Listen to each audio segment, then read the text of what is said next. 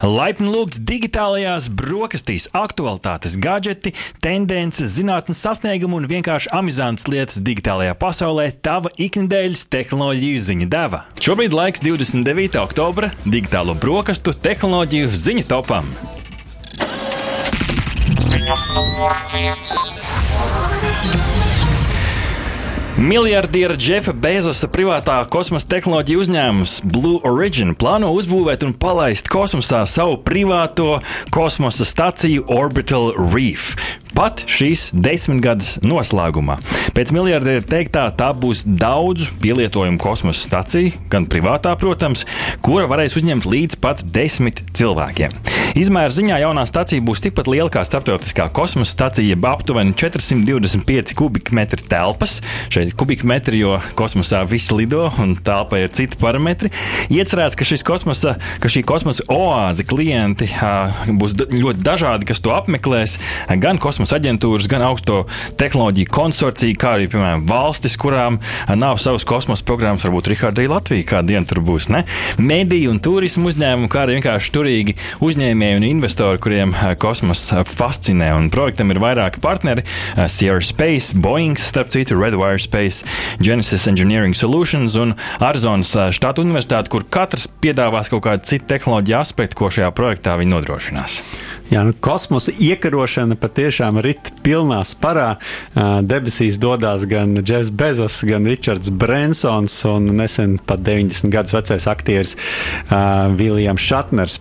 Un, starp citu, interesants fakts par šo visu. Gan arī 200 tūkstoši cilvēki Change.org platformā bija parakstījuši petīciju ar lūgumu Jeffu Bezos neielēs atpakaļ uz Zemi pēc viņa pacelšanās debesīs. Nu, tāds ir ļauns joks, vai ne?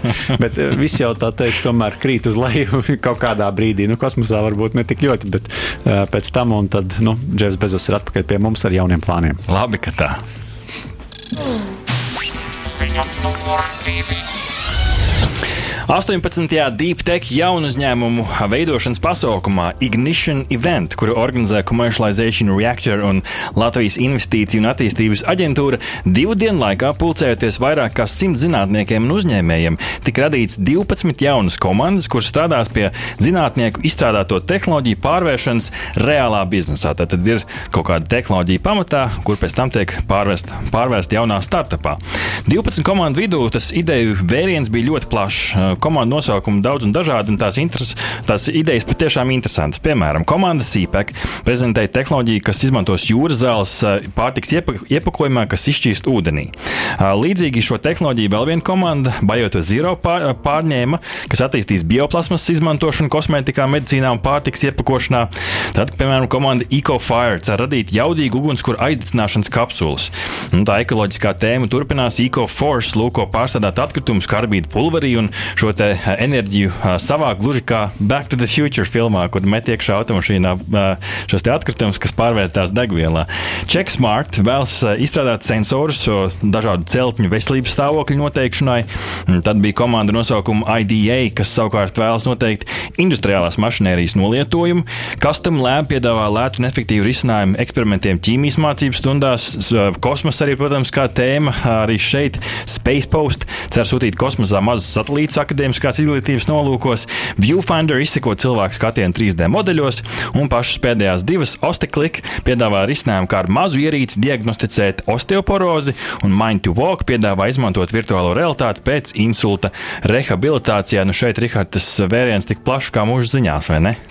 Jā, tiešām, bet uh, lieliski idejas ir uh, dažādos virzienos. Tas nozīmē, ka uh, arī, kā saka, jauniešiem plašs skats uz, uz pasauli, un noteikti ir ļoti vērtīgi, ka tieši šādas zinātņu ietilpīgi jaunie uzņēmumi tiek veidoti, jo tiem ir nu, liels ir eksporta potenciāls un arī liels potenciāls uh, nu, šai mērogojamībai, lai visā pasaulē šos produktus arī varētu izmantot. Un tas, protams, priekš Latvijas ekonomikas ir īpaši svarīgi. Tā kā prieks par šo. Un, un jāsaka, protams, ka šīs ir tikai jaunas komandas un jāsako līdzi, kuras no tām nonāks līdz tai mm reālajai idejai, līdz tam, kā kādreiz to sauc Skype, ja, bet tagad jau daudz kas ir nācis. Līdz strādājušam produktam. Nu, tieši tāds strādājušs mm -hmm. produkts un attiecīgi tāds, ko, ko mēs varam arī eksportēt un piedāvāt ne tikai šeit Latvijā, bet arī visā pasaulē. Ziņa numur 3. Japānas tehnoloģija uzņēmums ALI, jeb ALI Technologies, prezentējis tā lidojošo motociklu Exturismo Limited Edition, kur tas būvēs jau kopš 2017. gada no, viena, no vienas pacelšanās debesīs pie otras. Lidu motocikls spēja traukties ar ātrumu līdz pat 100 km/h, un kopumā tas spēšot lidināties nu, diezgan ievērojams 40 minūtes. Daisuke Katano uzņēmuma vadītājs cer, ka jaunais transporta līdzeklis uzrunās kā tehnoloģija entuziastus, tā arī glābējus, kuriem ir jāpiekļūst iespējams nu, tādās grūtāk sasniedzamās atrašanās vietās. Ekstra izmocelt spēja ir 100 kg, un pats motociklis sver 300 kg. Tas ir aprīkots ar diviem centrālajiem un vairākiem maziem propelleriem, kas to paceļ gaisā no zemes. Un paredzēts, ka pirmie modeļi tiks piegādāti 2022. gada sākumā jau. Jā, nu fantastiski. No vienas puses, lieliski iespēja, no otras puses, jābēdina visus tos cilvēkus, kuri cerēs traukties pāri sastrēgumiem un ēku jumtiem, nu, un kur nu viens sirds kāro. Nu, protams, ka šajā gadījumā tehnoloģija skrien nedaudz pa priekšu tam juridiskajam regulējumam, bet uh, es esmu pārliecināts, ka tiklīdz šādi uh, lidošanas līdzekļi kļūs populārāki, noteikti parādīsies arī uh, to satiksmes noteikumi. Jo nu, to mēs šobrīd ļoti labi redzam ar tiem pašiem droniem, jeb bezpilota. Uh, Eh, šiem te mm, gaisa kuģiem. Tieši tā. Mm -hmm. nu, lūk, tā kā droši vien vēl viens solis šajā virzienā, un noteikti par to vēl dzirdēsim mūsu ziņās arī turpmāk. Ziņa, Nu, redz, kā šorīt daudz ziņas par jaunu uzņēmumiem, kas kaut, kaut ko iespaidīgu sasniedz. Tā šeit pat no Latvijas vides mobilitātes inkubātora Urban Mobility Incubator komanda e-stop ir izstrādājusi automatizētu skūteru novietni, aizstājot vajadzību lietotājiem izmantot parasto slēdzeni. Pirms, pirmais prototyps ir izvietots jau pie Tirzniecības parka Alfa teritorijā, un tā raksta Labs of Latvija.com. Elektroniskā skūtera īpašnieki bez maksas varēs novietot savu transporta līdzekli tam paredzētajā novietnē novietnē, kā drošības mehānisms tiks izmantota ciparu kombinācija. Nu, uzgriezīs pareizo cipariņu, līdzīgi kā kofrītī, un tiks pie savas skūtera.